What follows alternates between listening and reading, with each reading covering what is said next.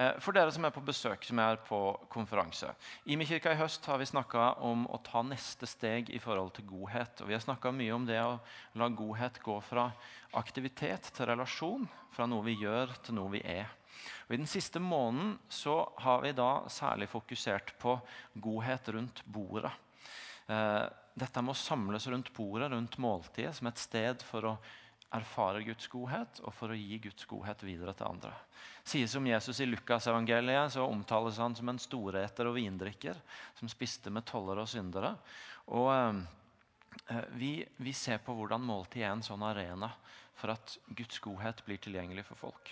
Og Det har vært spennende den siste uka og to å begynne å høre historier kommer inn om eh, at folk begynner å teste det ut, gjør det, og ser at de kommer i kontakt med mennesker på en annen måte fordi det skjer noe når vi samles rundt måltidet. Og Det er det sporet vi skal fortsette litt på denne søndag morgenen. Så da har du litt bakgrunn, og så vil jeg be en bønn, og så er vi i gang. Helligånd, du er her nå, og vi eh, inviterer du til å komme og puste liv i ordet. Sånn at eh, denne formiddagen ikke bare ble ord, men ble ditt liv.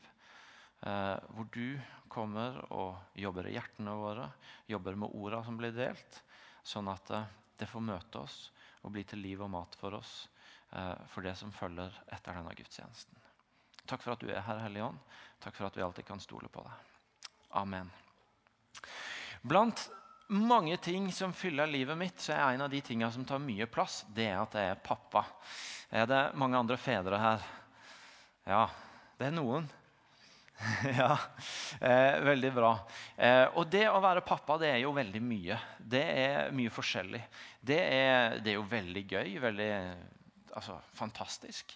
Eh, jeg sa til han Cæsar Kalinowski som var på besøk her i uka vi, vi kom gående opp bakken opp til huset vårt, og jeg så bakhodet til Elian noen sånne lyse hårtuster som stakk opp. og så sa Jeg jeg hadde aldri trodd at det skulle bli så soft at jeg ble glad av å se noen hårtuster. Men det er litt sånn du blir glad bare av å se et bakhode. ikke sant? Det er, eh, det er noe med det å være pappa som bare er veldig masse fint med, av små og store ting. Det er definitivt en sånn ting som får deg til å bruke tida di på å tenke på ting du ellers aldri ville brukt så mye tid på. F.eks. nå lille Frida som sto her og var konge i stad. Hun har slutta med bleie. og mye av det går veldig bra, bortsett fra at hun har funnet ut at det er utrolig skummelt å gjøre de store forretningene. Så eh, hver dag så bruker jeg en viss tilmålt tid på å trene på å gå på do. Og det er jo litt sånn Når du resten av uka liksom går og tenker på pastorting og hva skal jeg preike om på søndag, og så Kom an, Frida! Press! Lukas 15, press! Ja! Så, du får et klistremerke hvis du får til litt til. Og hva står det i Efeserne 3? Og så, ja, dere skjønner. Det er liksom du, du på en måte, du, hodet ditt tas steder du ellers ikke ville vært. Og så er det også selvfølgelig alt dette her som du har lyst til å lære barna dine. da, som altså, Viktige ting, viktige verdier. At de skal dele hvordan de opptrer overfor hverandre. Sier unnskyld eh, og sånne ting. Og så Midt i det så er det jo litt sånn for meg som pappa at i, i alle de tinga så er det liksom noe som Å, det må de i hvert fall ikke gå glipp av. Eh, for meg som pappa så er det jo bare så utrolig viktig at de skal kunne gå ut av sin barndom hjemme hos meg og vite at jeg var glad i dem. Eh, midt i alle disse her tinga, enten det er dotrening eller nå må du si unnskyld til din bror, eller, så å, kan de i hvert fall få med seg det. At jeg var utrolig glad i dem, og jeg er utrolig glad i dem. Det er liksom I alt det mylderet av ting så kjenner du noen ganger at å, det må jeg i hvert fall få igjennom en fars sånn hjerteslag for at den, blant mange viktige ting så er det noe som er viktigere enn andre ting. Tenker du noen gang på hva som er det aller viktigste for Gud å få formidla til du? For også i det å tro og det å følge Jesus, det å høre til i en menighet, det å være opptatt av de kristne greiene, så, så er det jo også ganske mange forskjellige ting. da. Og mange, mange viktige ting om å gi, om å gå på misjonskonferanse, om å lese denne boka, om å bli med i smågruppe, om å eh, finne ut av hva det egentlig betyr når det står et eller annet litt sånn rart her. Og, og hva mener jeg egentlig om den saken som alle diskuterer nå? Og, eh, og, og han erfarte det. Skal jeg òg få erfare det? Og masse, masse greier, og alt er bra, og jeg prøver på ingen måte å polemisere mot det. Men hva er Guds hjerteslag inni det som Om de ikke fikk med seg alt det, om de ikke rakk å melde seg på den konferansen, om de ikke helt klarte å fatte det bibelverset Hva var det i hvert fall det må de få med seg? Det må de få tak i. Og mitt svar på det spørsmålet er så enkelt som du antagelig gjetter og tror at det er. Etter å ha lest denne boka noen ganger så er jeg helt overbevist om at er det én ting han, han, lengter etter og brenner for og, så sterkt ønsker å komme igjennom med, så er det det helt basic budskapet at han elsker oss. Jeg er helt overbevist om det når jeg leser denne boka. At han har, han har et så brennende ønske om at vi skulle forstå at han elsker oss. At, han, at om ikke alt det andre ble på stell, om ikke vi forsto alt det andre, om ikke alt kom igjennom, så kan de i hvert fall få, få, tak i det og få vite det og få være grunnfesta i det. Jeg elsker de. Jeg er glad i de. Og så kan du tenke ja, flott. Da, da, er vi på basic-planet denne søndag formiddagen. Det har jeg hørt før. At Gud elsker, og at hans kjærlighet er det viktigste. At han er kjærlighet, og at, og at den, den, går mot meg.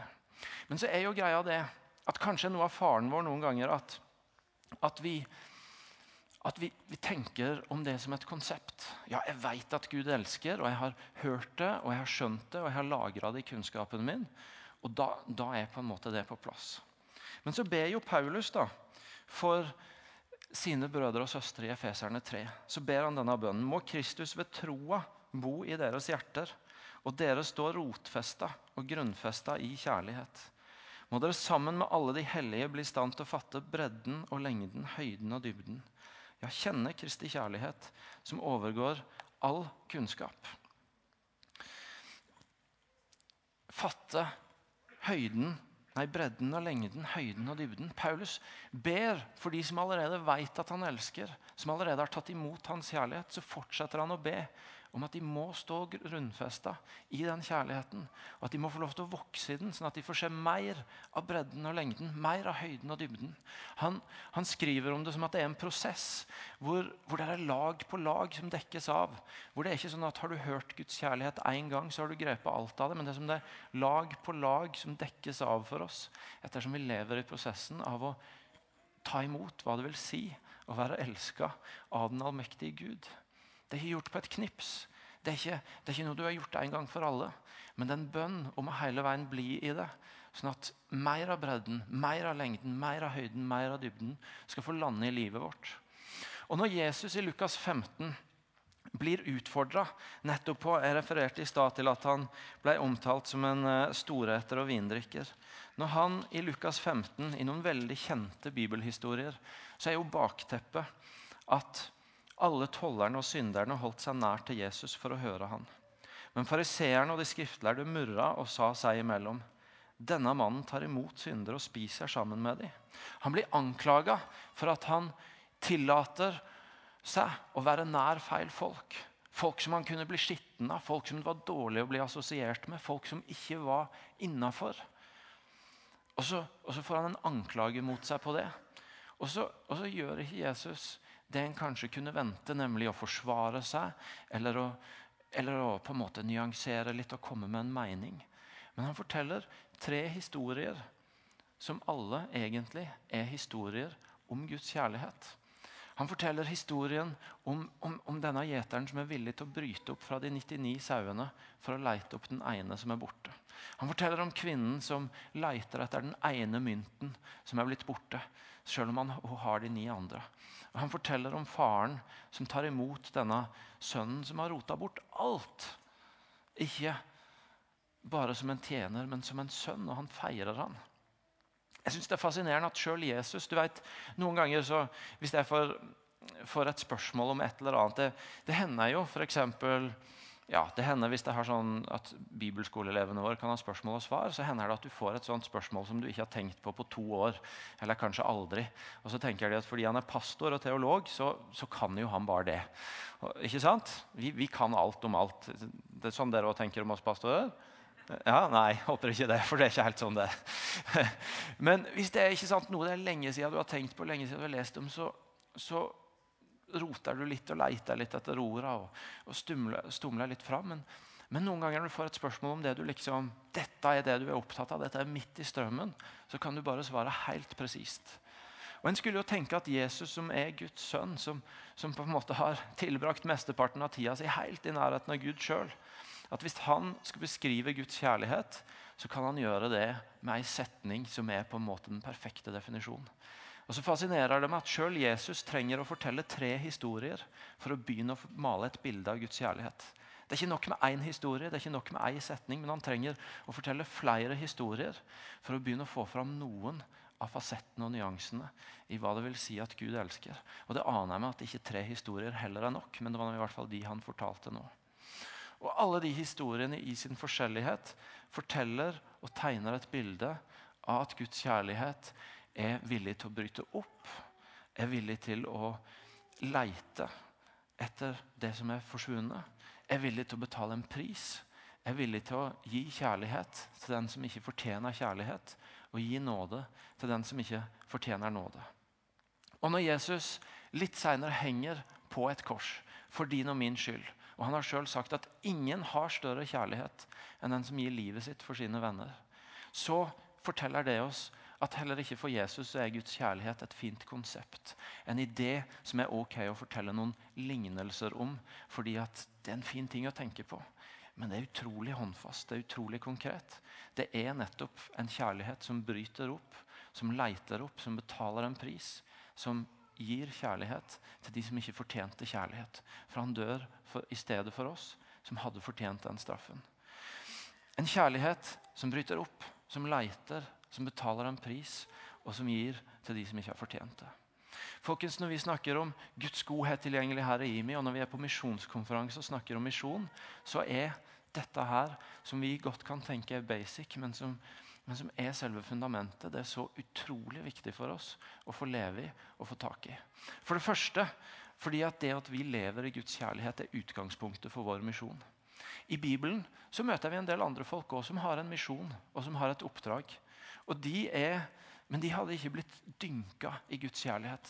De hadde ikke helt fått levd i prosessen av å avdekke lag på lag, sånn at høyden og bredden, lengden og dybden gradvis bare kom mer og mer til dem. Men de hadde misjonen sin, de hadde oppdraget sitt. Og den misjonen og det oppdraget handla etter hvert ganske mye om å sette grenser. Om å sette grenser innafor og utafor. Hvorfor spiser han med de?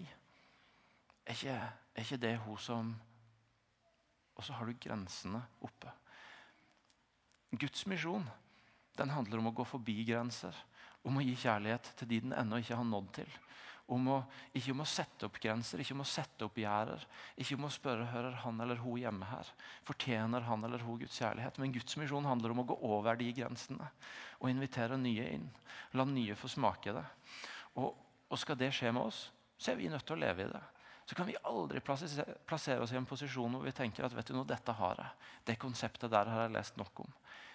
Vi må leve i den prosessen Paulus ber om at efeserne skal få leve i. Hvor de lag på lag får Guds kjærlighet innover seg. Hvor akkurat som Jesus ikke kunne fortelle bare én historie, han måtte fortelle mange for å begynne å få opp et portrett av Guds kjærlighet.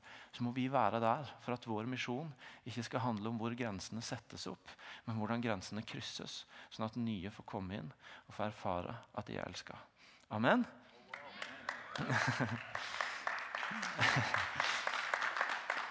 Dere må ikke klappe for meg, men hvis dere klapper, så må dere gjøre det skikkelig. Det der var sånn halvveis. Dere får et forsøk til.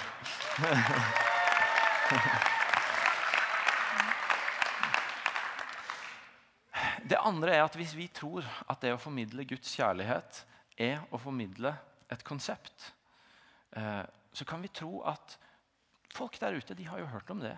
Det er jo sagt så mange ganger i så mange kanaler, fra så mange talerstoler, i så mange bøker, på så mange radioandakter, i så mange vitnesbyrd at Gud er kjærlighet, at han elsker. At nå har vel snart alle hørt det, og da veit de det jo. Og så får det bli opp til de å bestemme om de vil ha det eller ikke. Men greia er jo folkens, at det er så mange som ikke veit at Gud elsker. Som ikke har fatta at det er det grunnleggende bildet av hvem han er. Men som har helt andre bilder av Gud som har dannet seg helt andre forestillinger av hva det er han bringer til oss, og hva, hva det eventuelt vil si å gå sammen med han. Som kanskje har hørt noen av alle de andre velmente tinga som jeg nevnte i stad, men som ikke har fått tak i det han aller helst vil nå igjennom med. Og Vi sier ofte her på huset at folk har ikke sagt nei til Gud. De vet bare ikke helt hvem, hvordan han ser ut, hvem han er. Og jeg tror helt oppriktig at det er sånn. At det er ikke sånn at vi lever i en verden hvor alle vet at Gud elsker. Det er bare en god del som ikke har så lyst på det. Jeg tror det er veldig få som sier nei til en Gud som elsker. Men det er altfor mange som ennå ikke har fått tak i at det er det det dypest sett handler om. Det er det som er hans hjerteslag. Det er det som går dypest blitt, hatt gleden av å bli kjent med Sven her det siste drøye året. Jeg fikk lov til å si det. Han fortalte på en annen samling her for litt siden, når han kom inn her på huset for første gang uh, og, og, hadde en krevende historie bak seg, sto i en krevende situasjon, så sier han de fire første gangene jeg var her, så, så snakka dere om tilgivelse i en eller annen form. Stemmer det, Sven? Fire første gangene. Og, og jeg satt bare og grein. For jeg trodde ikke at det fantes tilgivelse for det jeg hadde gjort. Vi kan godt tenke at alle har hørt den der grunnleggende greia der. Ja, Sven visste det ikke. Og livet hans er blitt forandra av at han igjen og igjen fikk bli dynka i at vet du noe, det er tilgivelse. Det du trodde det ikke var tilgivelse for, det er det tilgivelse for. Når vi har Godhetsfestivalen, så mange ganger hvor vi opplever at, at folk vi tror ikke trenger godhet, for de har alt så er nettopp de kjempesultne på godhet. Fordi de har kanskje alt annet, men de har ikke erfart, erfart Guds godhet. Og så, og så, er de sultne. Fascinerende når Jesus sender ut de 72 i Lukas 10. Og så, og så Det han ber de hilse folk med når de kommer til et nytt sted og banker på, det er fred. Være med dette hjemmet. Fantastisk hilsen å gi til folk. Og så kan vi tenke igjen det er obvious. Men, men vet du noe? Det er ikke overskudd på fredshilsener i vår verden. Det er ikke overskudd på kjærlighet i vår verden. Det er ikke overskudd på erfaring av at her kommer det noen som bare vil meg godt, og som hilser meg med fred, og som ønsker at jeg skal få erfare at jeg er elska. Faktisk så er det som vi ba inn i stad, ganske mange motkrefter som forteller andre ting. Og så har vi denne her utrolige skatten vi holder og bærer fram til verden vår, som forteller at vet du, når du er elska, der er godhet. Der finnes et sted som hilser deg med fred, og en som hilser deg med fred midt i alt annet du bombarderes med. Og Det finnes ingenting som er mer verdifullt i vår misjon enn å få lov til å gi det videre. For det er et underskuddsgode i kulturen vår. Og bare få høre at du er elska uansett.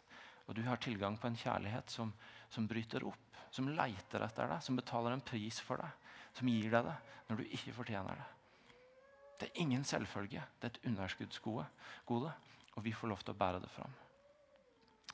Og så blir jo spørsmålet ja, men hva gjør Gud da for at vi skal få leve i det? Hvis det er sånn at det ikke bare er en one-off, du får høre det, og så har du det, og så vet du det, og så får du finne ut vil jeg ha det eller ikke. Men hvis Gud vil at det må de få lov til å leve i, hva gjør han da?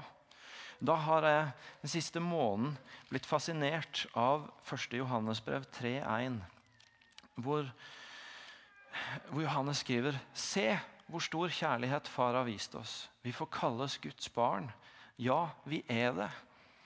Det er som om Johannes sier at for at dere skal forstå at dere er elska, for at dere skal forstå at dette ikke bare er en fin idé, men det er virkelig, så har Gud gjort dere til sine barn.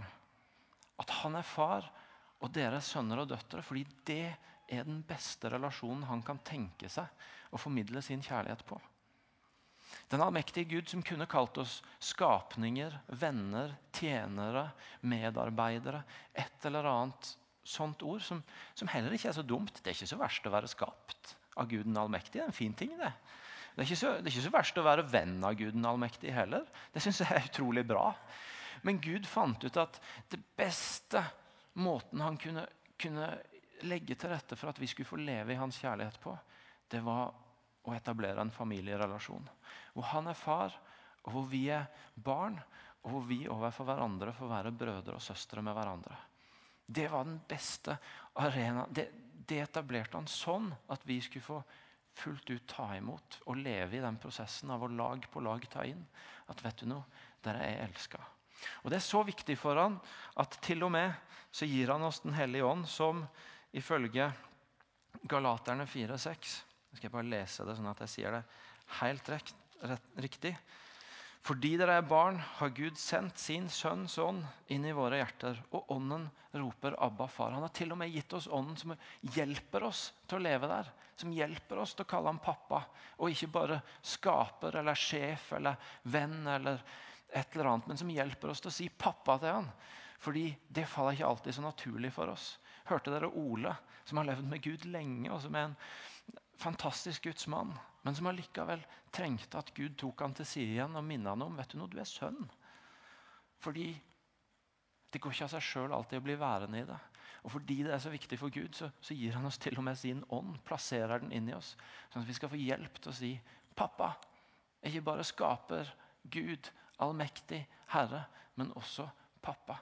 For i den relasjonen så får vi virkelig leve i at vi er elska.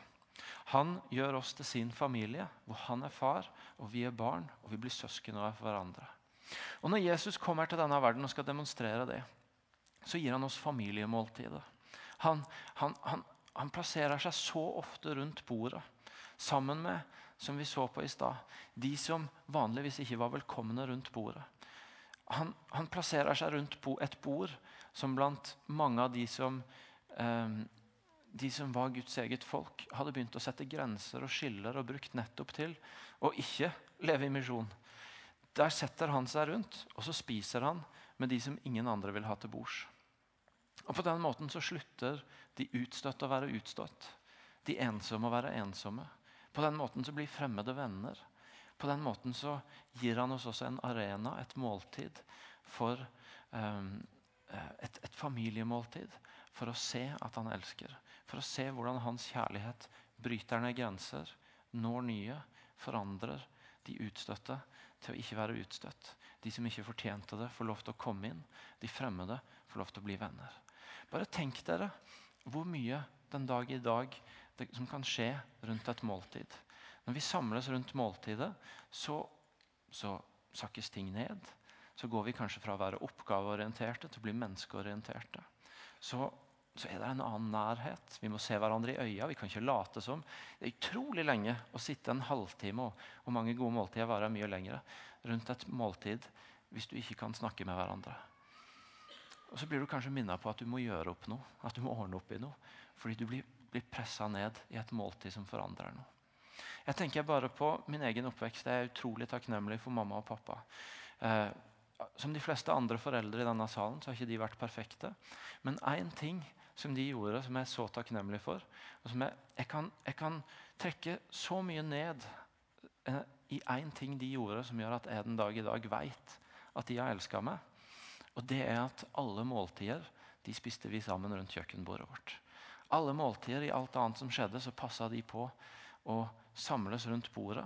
Og Så spiste vi sammen, og så snakka vi sammen, og så lytta de til meg. Så var ingenting ulovlig å si, men en måtte tåle å få litt motbør hvis en sa noe det var uenighet om. Og så tror jeg det, den, det kjøkkenbordet i Fagerheimveien 4 var en enorm arena for å gi og motta kjærlighet. Som jeg den dag i dag kan føre så mye av min sånn grunnleggende trygghet i livet på at det er ok å være med og holde på med det jeg gjør, tilbake til at de brukte et måltid til å formidle kjærlighet. Jesus bruker måltidene til å formidle Guds kjærlighet. Han gir familien et familiemåltid både ved å sette seg ned og demonstrere at her er det ikke grenser, og selvfølgelig ved å gi oss det største måltidet. Familiemåltidet over alle familiemåltider, nattverden. Som for de ble feira rundt bordet i forbindelse med maten som et sted hvor de helt konkret fikk se han elsker.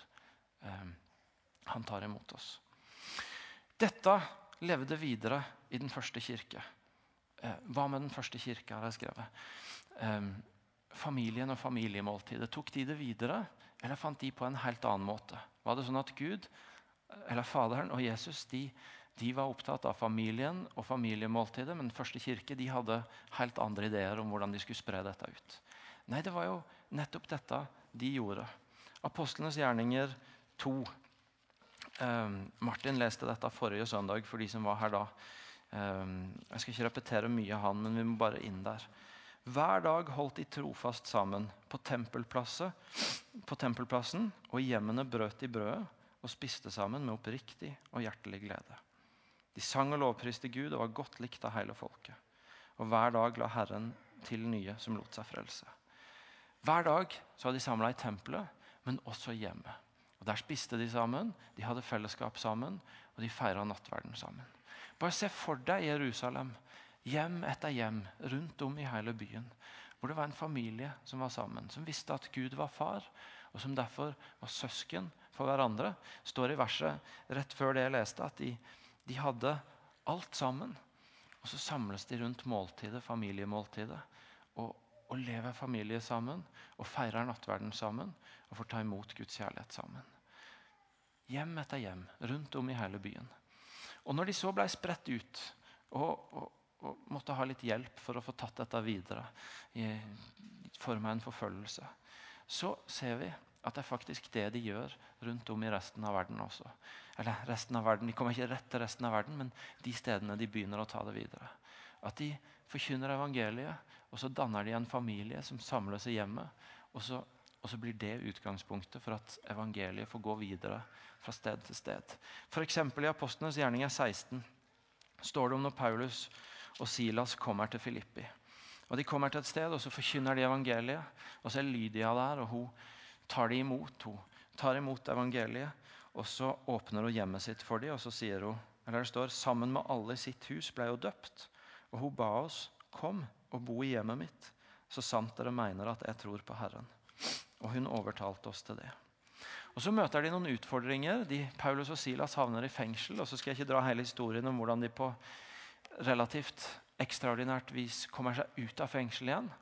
Men jeg synes det er interessant det lille verset som står i Apostlenes gjerninger 16, når de så er kommet ut. Da de var ute av fengselet, gikk de hjem til Lydia. Her traff de søskna og satte mot i dem. Så dro de videre. De hadde fått seg en familie i Filippi. Og når de var ute av fengselet, så dro de rett til familien, hjem til Lydia. Til søskna sto der. Og Så satte de mot i dem, og så dro de videre. Sånn spredte de evangeliet. Er det ikke interessant å se at Når Paulus skriver om kriteriene for å være leder i menigheten, så, så, så står det ikke kjempemye om hvor mange år de må ha gått på skole. Men det står at de må kunne ta vare på familien sin. og en kan jo tenke seg at Hvis kirka skal fungere som en familie, og, de skal åpne hjemmet sitt for en større familie, så er det en god start at de har sånn tålig styr på sin egen. Og så står det at de må være gjestfrie. Det går ikke an å være leder av ei kirke som samles i hjemmet og prøver å være familie hvis ikke du er gjestfri. Det, det, det, er noen andre kriterier ved det å være leder enn kanskje noen av de kriteriene vi har i dag. Fordi at de fungerte som en familie. Og er det ikke interessant at Når Paulus skal skrive om det strengeste straffen Eller ikke straffen, men på en måte, vi, vi kaller det jo tukt da, på, på, på det fine språket. Eh, som, som, som, kan gis hvis noen som er i menigheten, ikke, ikke hører etter når de blir korrigert og ansvarliggjort. Det er faktisk å holde de ute fra familiemåltidet. Stenge de ute. Det er det verste de kan gjøre. Den strengeste straffen de kan gi. Så hele hele fokuset til Paulus er på at disse familiene plantes ut. De Evangeliet plantes et nytt sted, og så oppstår det en familie som, som, samles, og som blir utgangspunktet for at evangeliet tas fra sted til sted til sted. Det er en som heter Tim Chester, som skriver This is what the church is to be. A community of broken people finding family around a meal under the tree of cavalry. Dette er det kirka skulle være. Et fellesskap av brutte mennesker som finner familie rundt et måltid under korset. Fantastisk sagt. Folkens, jeg og du er ikke noe bedre enn de som levde da, når det kommer til at det går ikke på skinner for oss å leve i at vi er elska. Det går ikke på skinner for oss å, å, hele veien holde fast i denne tryggheten i at vet du noe, han, han elsker meg uansett. Og det skal være utgangspunktet for ikke å sette opp grenser mot denne verden, men for å krysse grenser. Og Derfor så trenger jeg og du det Gud ga til de første.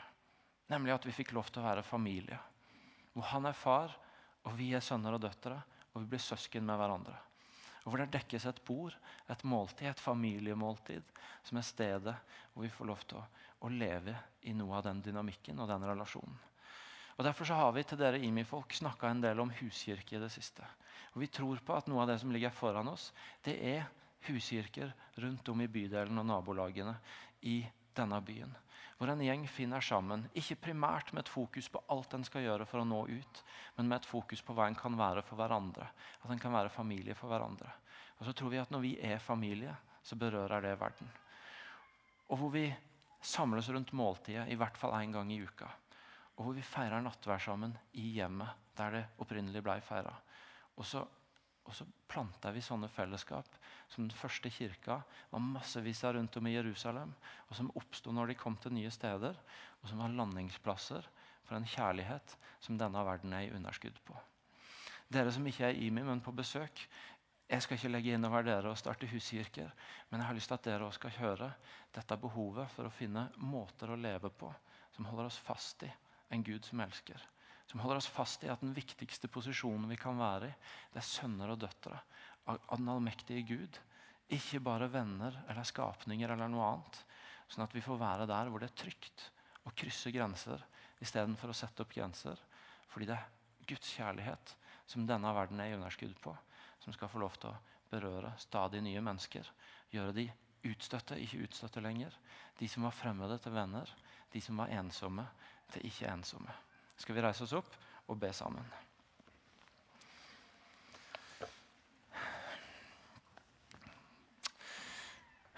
Gode far, vi bare takker deg igjen denne morgenen for din kjærlighet. Og for at du ikke er ferdig med å gi den til oss. For at du ikke er ferdig med å kalle oss barn. Og for at du, sånn som du gjorde med Ole, når vi, når vi, når vi fjerner oss ut av den posisjonen, så, så, henter du oss inn igjen. Og så plasserer du oss sammen med mennesker. Sånn at vi får, vi får, får leve der, i de, den, den uh, konteksten du har satt opp, hvor du så at Vet du noe? Der kan de virkelig få ta imot at jeg elsker. Så vi ber deg som fellesskap her om å få lov til å være de som, som, lever i din kjærlighet. Som, som, ikke lar oss rive ut av den, som ikke lar motkreftene ta oss, men som, som bare er planta i din kjærlighet. Og Vi ber om at det skal få hjelpe oss til å ikke sette opp grenser, men til å krysse grenser. Um, vi ber deg for, for, byen vår og regionen vår, men også for alle de stedene som er representert i dette rommet, som ikke, ikke er her i regionen. Hvor det lever en hel masse mennesker som, som ennå ikke veit at du elsker. Vi ber deg for en kultur som, som er i underskudd på en, på en, kjærlighet som gir, og som, som er betingelsesløs. Og vi, og vi, holder bare fast på en frimodighet på at din kjærlighet kan, kan gjøre det som egentlig ingenting annet kan gjøre. Den kan gjøre de som var utstøtt, innlemma. Den kan gjøre de ensomme til ikke ensomme lenger. Den kan gjøre fremmede til venner. Den kan gjøre oss til dine barn. Den kan rotfeste vår identitet. Den kan dekke av lag på lag av det du ønsker å gi oss. Og vi ber deg om å få leve i den denne morgenen.